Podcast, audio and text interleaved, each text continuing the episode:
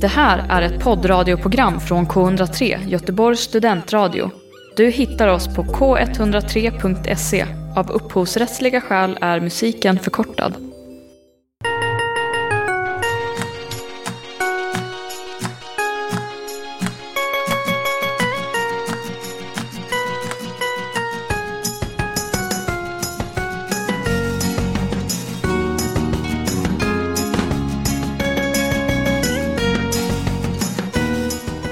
Tagning 103 är tillbaka med nytt avsnitt här på K103 Göteborgs studentradio, ditt film och serieprogram som hjälper dig att guida vad du ska kolla på, vad du inte ska titta på och kanske också bara ge dig lite härlig underhållning. Vi som driver den här podden, vi heter Eva Gustafsson. Och Alice Dryden. Och den här veckan så har vi kollat på den senaste säsongen av serien Heartstopper. Vad händer i Nick och Charlies liv nu i säsong två och vilka andra karaktärers historier får vi följa med i? Ja, här finns många godbitar att gotta ner sig i. Vi kommer självklart tala om vad vi har kollat på på sistone och sen Alice. Alice har varit arg sen senast. Vad gör man när bolagen eller streamingtjänsterna behandlar ens favoritserier så styvmoderligt att de kanske inte ens längre finns kvar att titta på, eller plötsligt bara blir cancelled. Hur hanterar man det? Alice, hur är det med ilskan? Nej men eh, varje gång jag tänker att den har lagt sig så bubblar den liksom upp till ytan igen så fort jag tänker på det. Så det är absolut eh, ilskan är närvarande. Mm. Ja. Det här är tagning 103 där du idag får hänga med oss in i vår filmvärld. Då kör vi!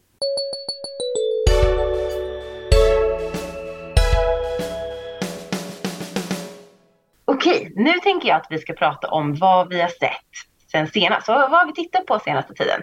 Och om det är okej så vill jag gärna börja. Igår så hade jag eh, skräckblandad förtjusning på gång på min TV. Jag är absolut ett gammalt Doctor Who-fan.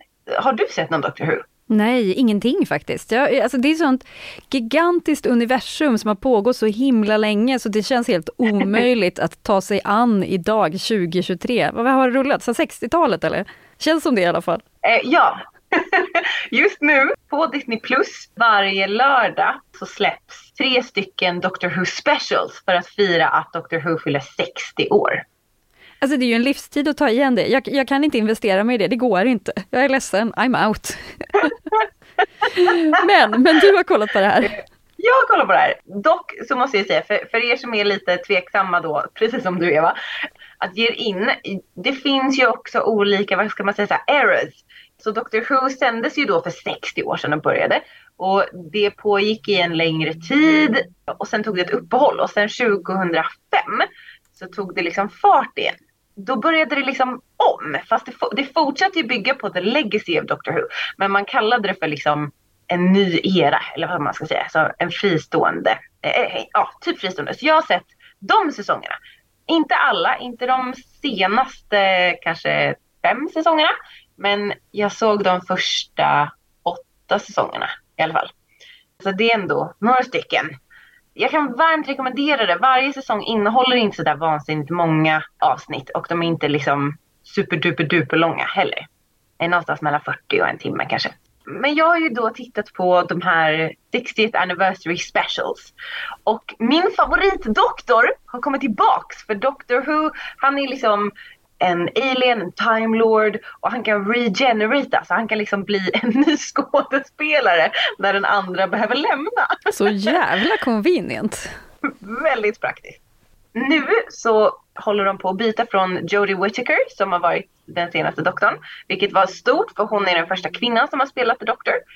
Men innan den nya doktorn enters så har de då tre specials med två gamla favoriter, eh, nämligen David Tennant och Catherine Tate.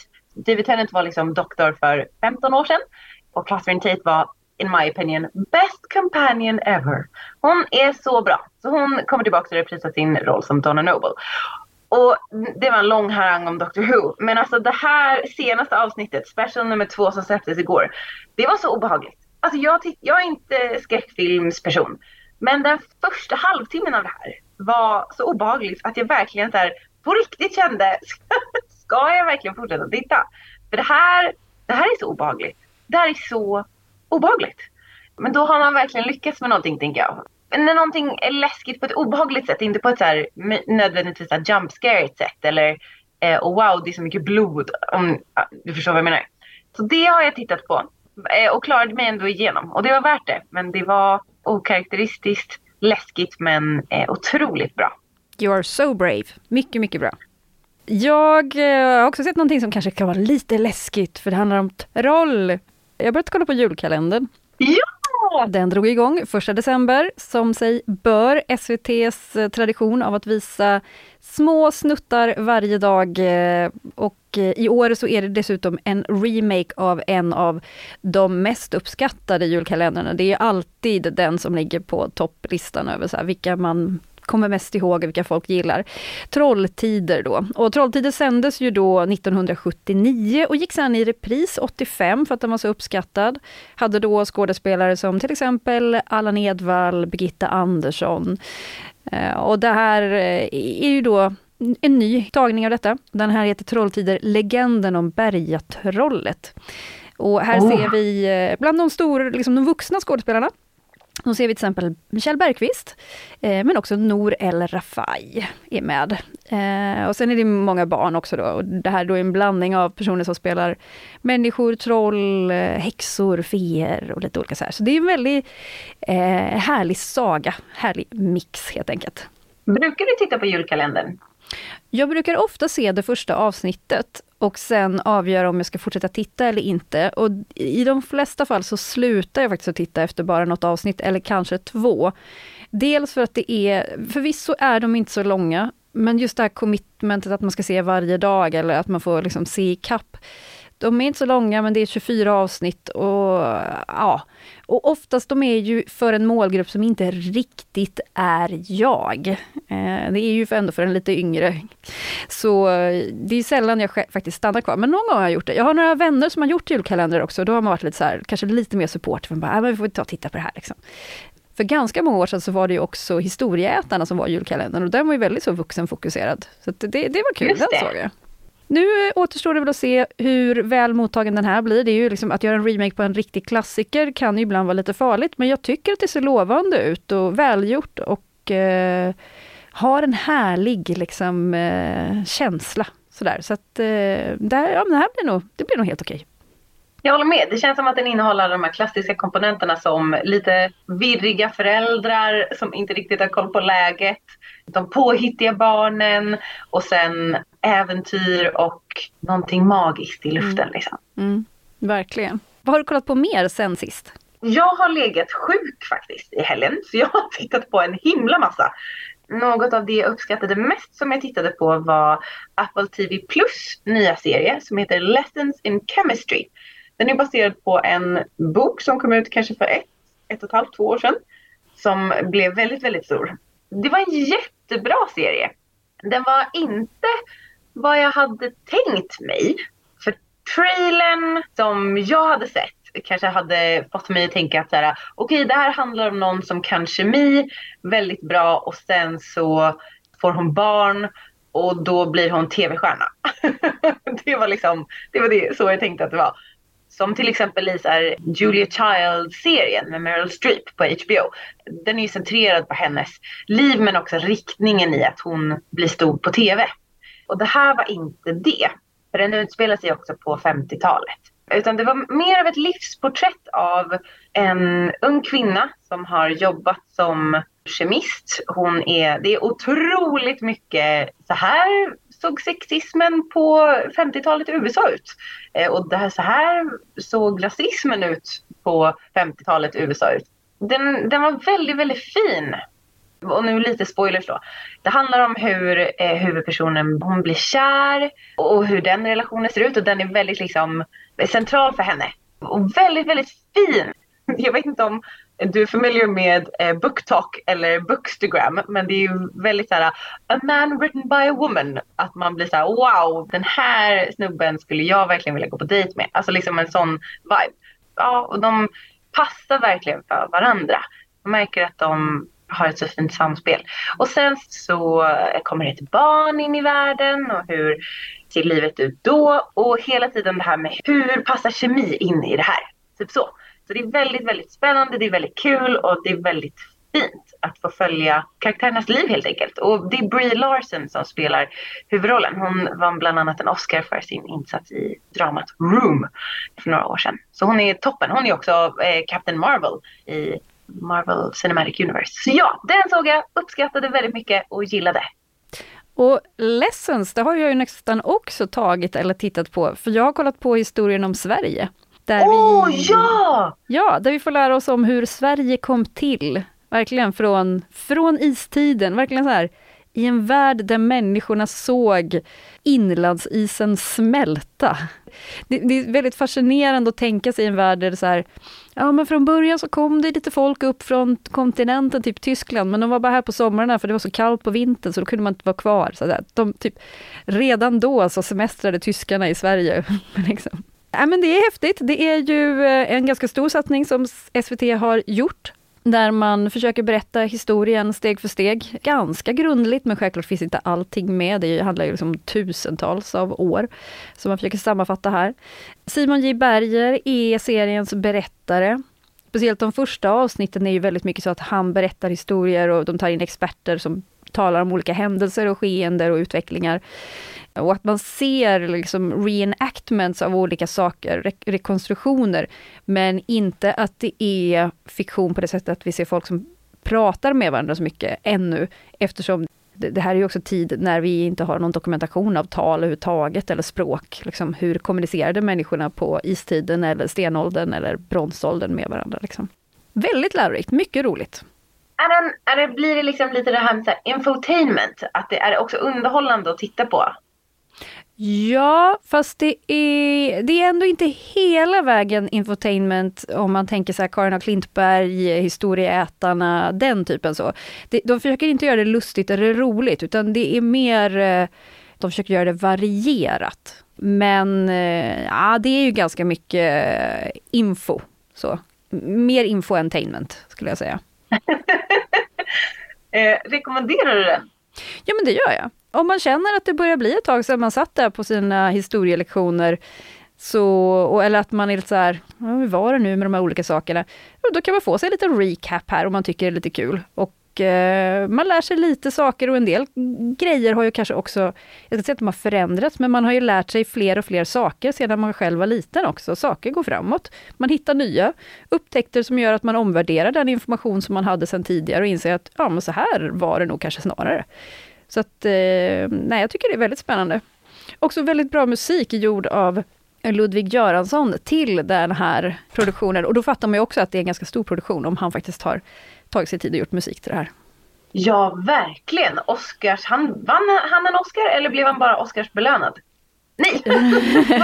han fick ta med den hem, tro mig. Han fick inte bara titta på den i rummet. Han vann en Oscar, ja. Shit vad snopet annars att bara åka dit och titta på den. Han har ju också gjort den otroliga musiken till Mandalorian. Mm. Den är ju fantastisk. Var det för Black Panther som han vann? Ja, det var det. Det var det. Mm. Grymt. Men eh, den här serien kommer ju fortgå ganska länge. Eh, det finns dessutom en bok vid sidan av, det är klart det gör, man kan läsa den i bokformat också. Och allt det här finns ju på både julkalendern och eh, historien om Sverige finns på SVT Play, så det är bara att titta på. Under julhelgen till exempel, när man börjar bli uttråkad, då är det här perfekt flykt att gå och spara på.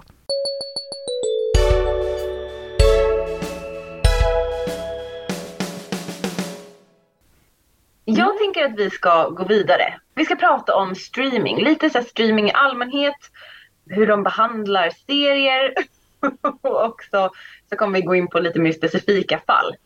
Jag tänker att jag ska ta er tillbaks till vintern 2022 när serien Willow hade premiär på Disney+. Serien baserar sig på filmen som släpptes på 80-talet. Jag säger 80-talet väldigt confidently men nu blir jag lite osäker. Jo, jo men du har helt men... rätt. Den kom 88.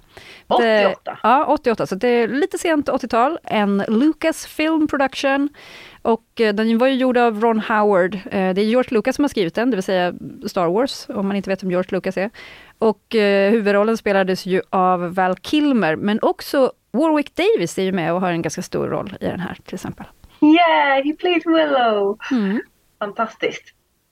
Jag såg den inte förrän jag var i vuxen ålder. Det var liksom inte någon film som vi hade hemma eller som var sådär ah, wow stor. Men jag blev jätteglad när de skulle göra en serie. För jag tycker verkligen att det kändes som att det universumet hade mer att ge. Så det blev en säsong. Och sen tror jag, jag såg den när den kom ut. Ett halvår efter så tänkte jag, är jag inte lite sugen på att se om den? Sommaren då, i somras 2023. Och då upptäcker jag att serien är spårlöst försvunnen Eva. Det är helt orimligt. Alltså, det är en så här, man har plöjt ner ofantliga pengar i det här. Folk har tittat. Varför finns den inte liksom? Exakt så. Varför finns den inte? Och jag, jag kan bli väldigt hyperfokuserad på saker. Så jag letade, jag kollade liksom eh, hela internet. Och jag var såhär, vad fan är det som har hänt? Och det, det här var liksom också innan riktigt man hade upptäckt vad det var som hade hänt. Så jag mejlar. jag mejlar Disney Plus kundtjänst och bara, varför hittar jag inte den här serien? Och då så säger de till svar att de har tagit bort serien på grund av för få streamingar. Jag kan förstå i mitt stilla sinne att man inte förnyar en säsong. Eller liksom en serie som har fått så dåligt med visningar. Jag har inga siffror på hur dåligt med visningar Willow har eftersom streamingtjänsterna sitter ganska tight på sin data. Men man tar väl inte bort den? Den får ju inte fler visningar av att de tar bort den. Exakt! Och den var alltså ett halvår gammalt. Mm. Det var liksom inte så tio år in i tiden och ingen har sett den på två år. Utan det var verkligen så sex månader senare. Mm. När folk fortfarande, för jag tänker, jag har så många serier som är så här, typ Andor tänker jag fortfarande, den ska jag se i jul. Typ. Mm. Eh, den ska jag plöja när jag har en vecka. Eh, jag vet inte, jag, jag blir alldeles knäpp. Och det här är ju bara då ekonomiskt. Och jag tänker att så här, det här är ju det vi ska prata om nu. Ekonomi and profit versus art and mm. dedication och fanbase. Mm.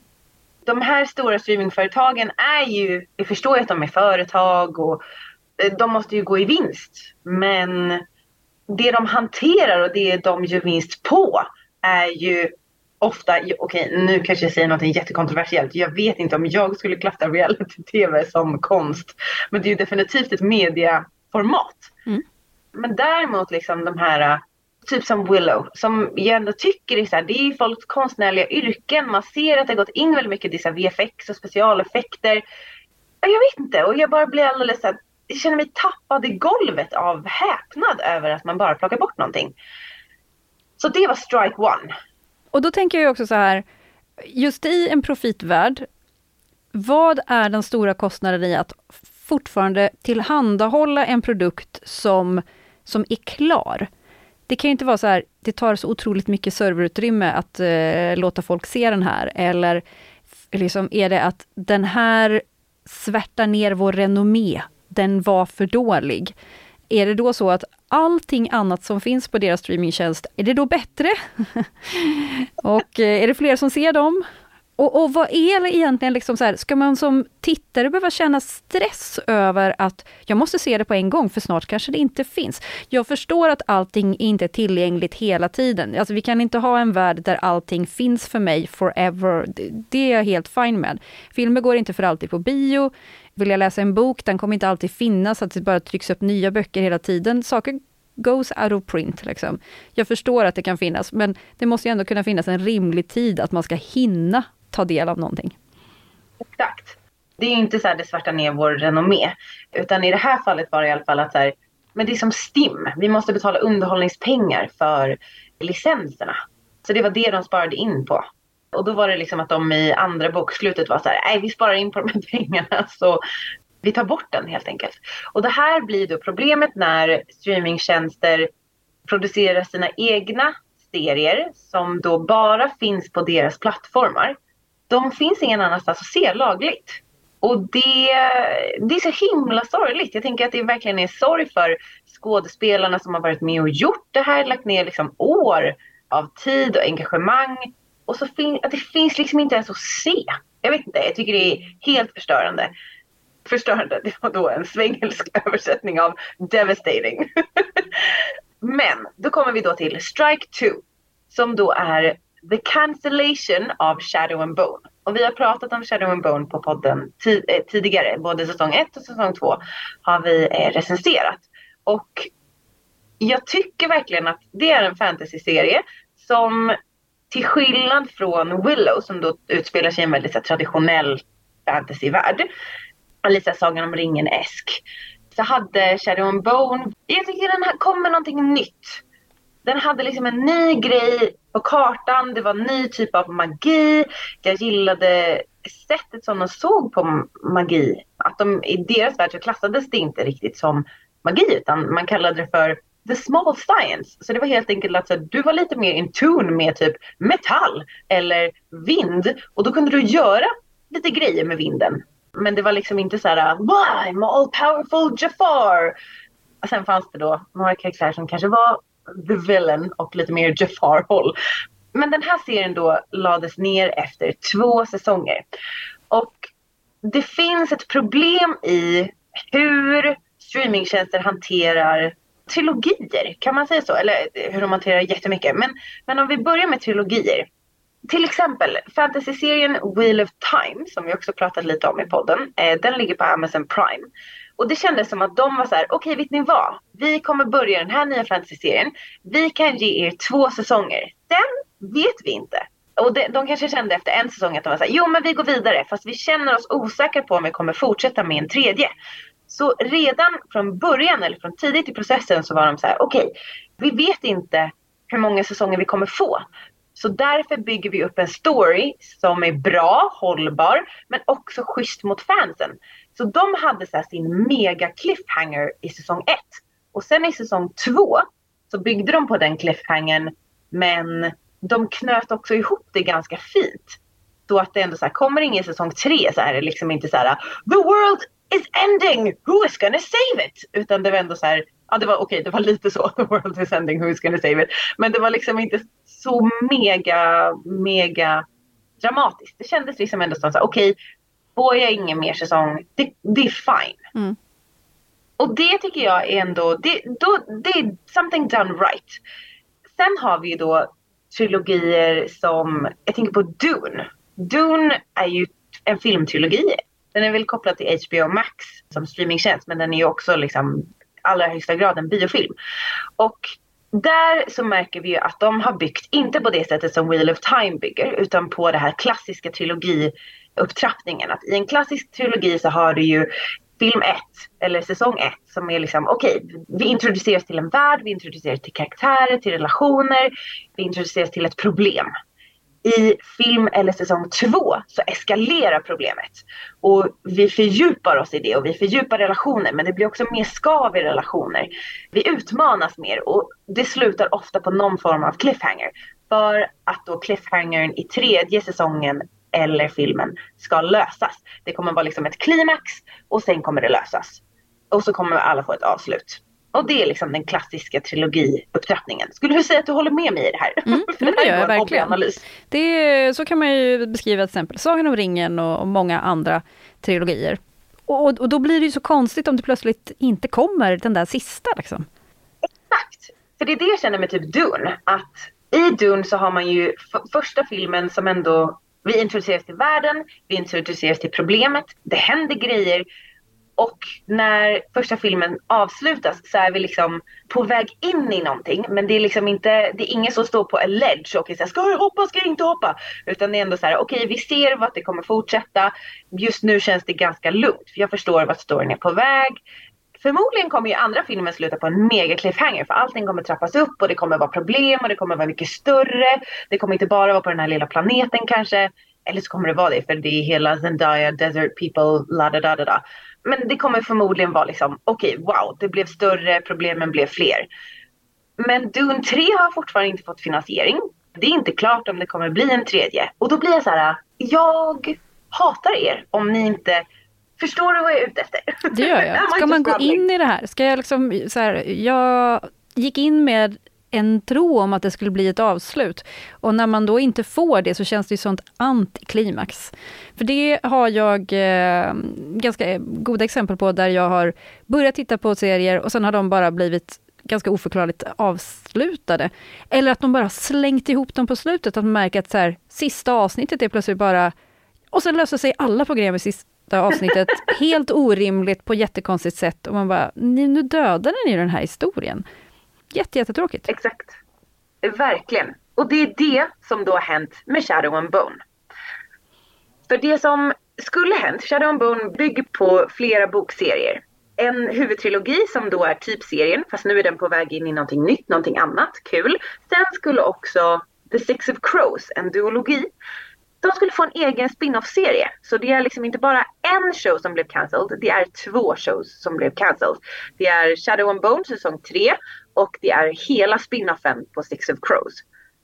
Och det som Netflix har gjort, som jag då tydligen tycker är helt oförlåtligt, är att de har följt den klassiska trilogiuppbyggnaden utan att ge oss ett avslut det känns som att de hela tiden bara letar efter nästa Wednesday, nästa Stranger Things, nästa Game of Thrones.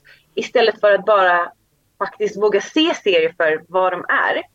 Och göra dem antingen mindre eller bara låta dem vara liksom inte Game of Thrones. Eh, eller var liksom störst på sociala medier som fucking Barbie var, vilket var amazing. Loved den PR-kampanjen. Men allting kan inte vara Barbie, så varför måste vi leta eller försöka tvinga fram en ny Barbie? är problemet tycker jag. Ja, jag vet inte. Vad är dina tankar på det här? Nu har jag rantat. Nej, men jag håller med, att man eh, kanske ändå ska kunna veta vad man investerar sig och sin tid i jag uppskattar en bra historia. Ge mig en bra historia, det är det jag vill ha. En, eh, en rolig idé och eh, fascinerande karaktärer som jag vill följa. Och när man, för det är ju inte helt uh, lätt att skapa det och när man väl har lyckats med det och har en fanbase, försök att vara liksom lite ta hand om att fans vill kolla på saker, för att om man hela tiden blir utkastad ur saker eller liksom blir missnöjd, då, då blir man inte så sugen på att fortsätta och investera tiden i någonting nytt igen. Då blir man så här, ah, jag vet inte. Ska jag verkligen börja på det här? Då, då, då backar man ju liksom. Exakt, och jag känner lite samma, eller lite så med Witcher tänker jag. Att de borde bara låtit serien vara. De borde gjort tredje säsongen när de visste att Henry Cavill inte skulle fortsätta. De skulle bara fokuserat på att det blev sista säsongen. För det här, nu kommer de dra ut det och stackars Liam Hemsworth som he's a good actor. Alltså så här, det är inget fel på honom. Men han kommer få så mycket skit. Mm. Det kom, jag tror inte det kommer vara värt det. Hur, hur tar du dig ur det här Alice? Jag vet inte. Jag tror att jag kommer behöva processa det här under lång tid och jag tror att jag kommer fortsätta vara arg för jag tror att det kommer vara fortsatt möta liknande problem som streamingtjänster kommer bjuda på i framtiden. Så det, eh, det lär bli fler rants och jag tror att vi är fler och fler som kommer bli argare och argare. Och det ska bli med skräckblandad förtjusning se hur det här utvecklar sig kanske de närmsta fem åren. Mm. Men vet du vad? Du har Doctor Who. det är sant! Det är sant.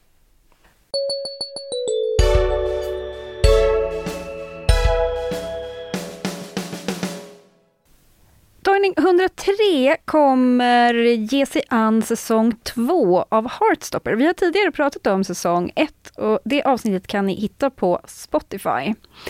Det här är ju serien skapad av Alice Oseman, som ju då är en eh, illustratör och manusförfattare och författare.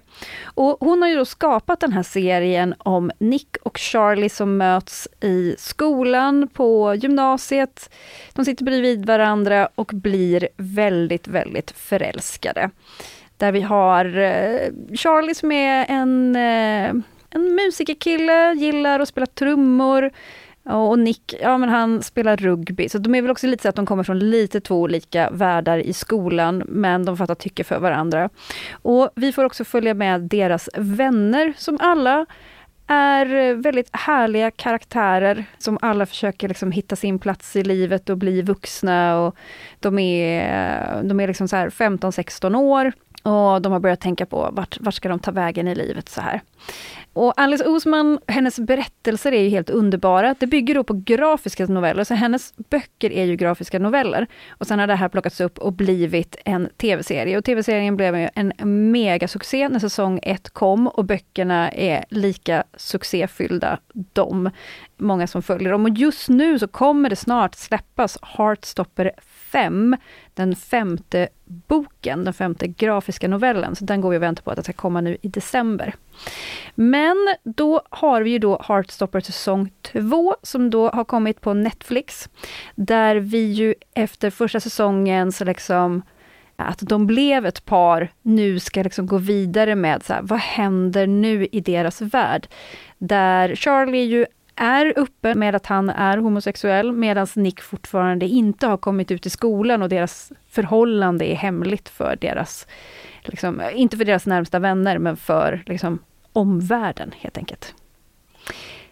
Hur eh, tog du dig an eh, säsong två, Alice? Jag tog mig an säsong två med öppna armar. Eh, jag var så taggad på att den skulle komma ut. Jag såg den tror jag. jag såg allting på samma kväll tror jag. Jag var uppe väldigt sent och hade eh, time of my life. Den är definitivt, om man går tillbaka till eh, trilogitänket, men det är ju definitivt en fördjupning av inte bara världen som de befinner sig i, alltså skolan, utan det är ju också en fördjupning av alla relationer och vi får se både djupare och mer kanske mörkare och utmanande teman vilket jag tyckte var spännande. För jag har ju till skillnad från dig inte läst de grafiska novellerna. Utan jag har bara sett serien. Och jag uppskattar lite att det är som Ja, om man tänker Harry Potter, att det börjar väldigt oskyldigt även om det finns djup också i, i det. Men att den växer och blir djupare också i takt med att karaktärerna blir äldre. Och det känns som Heartstopper gör lite samma. Och det var jag kanske lite oförberedd på, men eh, välkomnar varmt. Mm. Jo, för här får man ju då följa med både då Nick och Charlie i, i sina familjer, i som, som personer, vad är deras personliga utveckling, men också som ett par. Att det, är så här, det är en sak att så här, man träffas, man blir förälskad eh, och man blir tillsammans. Men vad händer sen då? Liksom, att ha en relation, hur rullar det på? Det här är ju deras första relationer mer eller mindre, de är också väldigt unga. Så hur är det att ha en pojkvän? Hur, hur funkar det då? Och sådär. Och samtidigt så börjar också vi att få en djupare inblick i vännernas värld. Vad händer i eh, Isaacs värld? Vad händer i El och Taos värld? Hur, eh, hur har de det? Och, och vilka är de också? De är liksom inte bara bystanders, de är också historier som vi får följa med. Ja, jag tycker det var så himla fint. Eh, och vi pratade ju också om det i vår recension. För vi gjorde ju som ett specialavsnitt för säsong ett. Där vi också hade med oss Nathan som pratade om Heartstopper säsong 1 tillsammans med oss. Vi pratade i det avsnittet om Isaac, att vi hoppades att han skulle få mer screentime, vilket han ju verkligen fick. Och han blev mycket mer av en så här välrundad karaktär med liksom djup och inte bara liksom en, vad ska man säga, en ganska linjär storyline det skulle kunna blivit väldigt så här, okej, okay, eh, det här hände för Isaac och sen gick det oproblematiskt framåt. Men så kändes det som att han verkligen var så här, nej men eh, det här är mina känslor, det här är min upplevelse eh, och den ser ut på det här sättet och då blev det mycket mer nyanserat. Nu försöker jag inte spoila här men mm. så det, det uppskattade jag jättemycket att han mm. fick mer screentime. Ja, och Isaac är ju också en karaktär som man förstår har en stor betydelse för serien också, för han finns ju faktiskt inte i de grafiska novellerna. Han eh, är ju tillagd just för tv-serien. Kanske för en liten balans. Mm, jag tycker att han fyller väldigt många bra funktioner i själva historien. Sen själva serien nu i säsong två. Jag, kan, alltså, jag gillar verkligen eh, historierna som de berättar och så, men det är lite så att jag tycker att här börjar det bli lite av en uppradning av tonårsproblem som kan uppstå. Att man lite försöker belysa eh, liksom hela spektrat, vilket gör att typ, man liksom har tagit de topp 10 problematiseringar som kan uppstå under tonåringen och så har man liksom delat ut dem på de här olika karaktärerna. Vilket ibland känns lite som någon slags eh, lite skolbokspresentation. Eh, att så, ah, nu har vi den här personen, den personen är så här och den här personen har problem hemma och den här personen har problem med den här typen av ätstörningar eller, eh, eller den här personen har ångest eller känslor och så. Att det lite kan bli lite påklistrat ibland, tycker jag. Jag tycker att det funkar bättre i de grafiska novellerna faktiskt. Där kan man, man kan jobba så mycket mer med eh, kanske bilder på ett annat sätt än man gör i rörlig bild. För i rörlig bild så kan det bli väldigt stora gester. Eh, man kan vara mycket mera diskret i bara en liten bild. Vad spännande!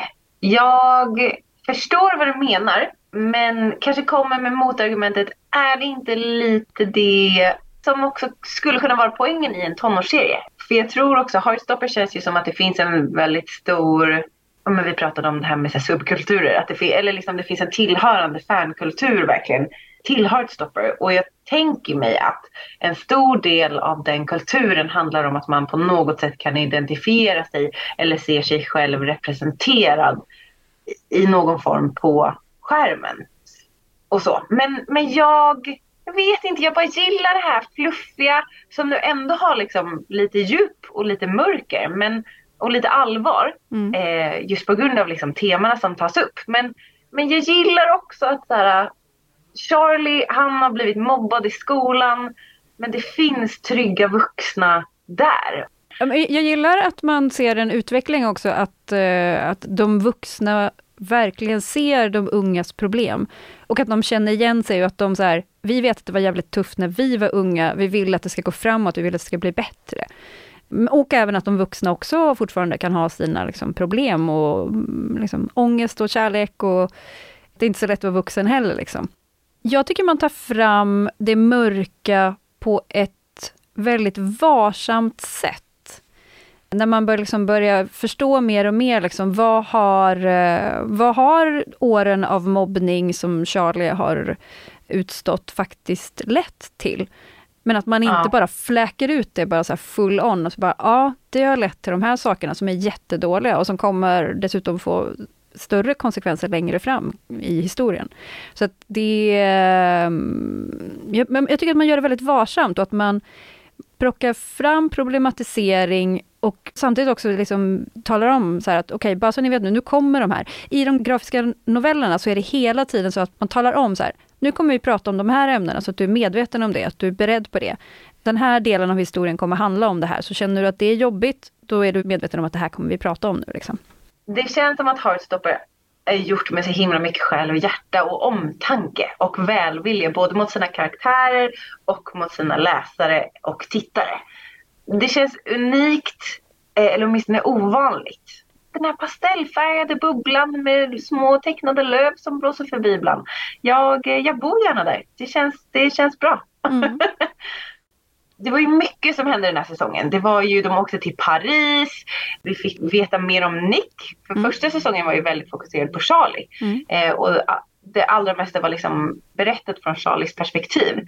Men här fick vi mycket mer nyanserat med till exempel El och Tao och deras historia. Den tyckte jag också, jag tycker det var fint att den inte bara var så här okej, nu vet de om att de är kära och nu blir de ihop och lever lyckliga alla sina dagar. Utan att det faktiskt var liksom hur, hur går man faktiskt från att vara vänner till att vara mer? Mm. Eh, och hur får man det att funka? För det är ju absolut inte okomplicerat. För man kanske får en annan typ av relation när man går vidare till någonting mer som då El och Tao faktiskt gjorde. Ja, precis. Och vad händer om det inte funkar som en relation? Vad händer med den vänskapen då? Är den gone for life? Liksom? Det, det är ett litet minfält. Det är också det som är fint, för det var ju det som var Taos största rädsla. Att någonting skulle liksom påverka hans vänskaper. Eh, och framförallt då hans vänskap med Elle. Och så gjorde det. Men eh, spoiler alert! Det löste sig. Vill vi säga någonting mer innan vi ger en betyg? Det känns som att jag hela tiden har eh, tjatat ganska mycket om den grafiska novellen också. Jag rekommenderar verkligen, även om man ser serien, att också läsa novellerna. Man kan göra det parallellt. Det funkar jättebra, även om det blir lite samma. För det är, det är, det är mer eller mindre samma historia, men ändå mm, liksom lite, lite fler saker, lite mer detaljer och sådär. Och eh, jag uppskattar verkligen Alice egna anteckningar som hela tiden finns. Om man till exempel läser den här på, man kan läsa den digitalt på Webtune, där man kan följa serier och de släpps löpande så här, ett, ett ny sida i veckan typ. Och där har hon varit väldigt öppen med, dels att hon skrivit kommentarer, lite så hur hon har tänkt runt så här, åh nu händer det här, eller bara någonting litet kort runt varje del som hon har släppt. Men också att hon har varit väldigt öppen med att Alltså hela Heartstopper har ju verkligen exploderat på alla sätt, både böckerna och att det blev tv-serier så snabbt efter att hon började skapa dem. Det tar ju faktiskt tid att göra grafiska noveller, vilket gör att det finns en superdemand på att hon ska både skriva manus till tv-serierna och hon ska producera nya historier, för det här är ju en pågående historia som fortfarande släpps. Eh, och att hon har varit väldigt öppen med att, så här, men, att hon har fått ta pauser ibland för att hon har blivit utbränd och bara orkar inte och att hon har blivit tvingad att ta paus och att det är därför det ibland har tagit lite tid. Men att man har full förståelse för att ja, men det är klart att det här måste vara jättemycket jobb. Liksom. Så det tycker jag ger en, en extra dimension till det här, liksom hela hennes fantastiska historia som vi följer med Nick och Charlie, men också hennes egna historia. Vad fint! Jag ska ge mig in i de grafiska novellerna. Jag känner mig inspirerad. Om du skulle ge Heartstopper säsong 2 som finns på Netflix, om du ska ge den klappor, hur många klappor blir det? Då ger jag den tre starka klappor skulle jag säga. Super!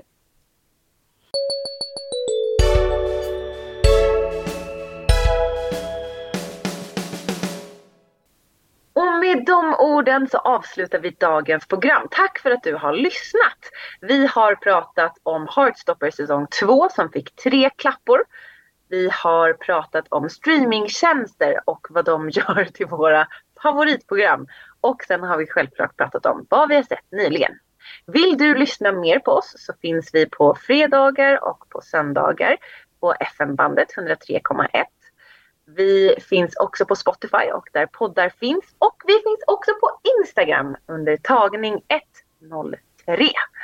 Vi hoppas att vi ses snart. Vi vill tacka Noah Gren för musiken som ni hör just nu och vi som har lett det här programmet heter Alice Dryden och Eva Gustavsson.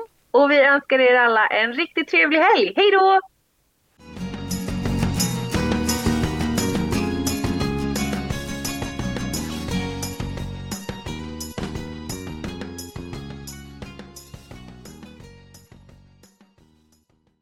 Du har hört en poddradioversion av ett program från K103. Alla våra program hittar du på k103.se.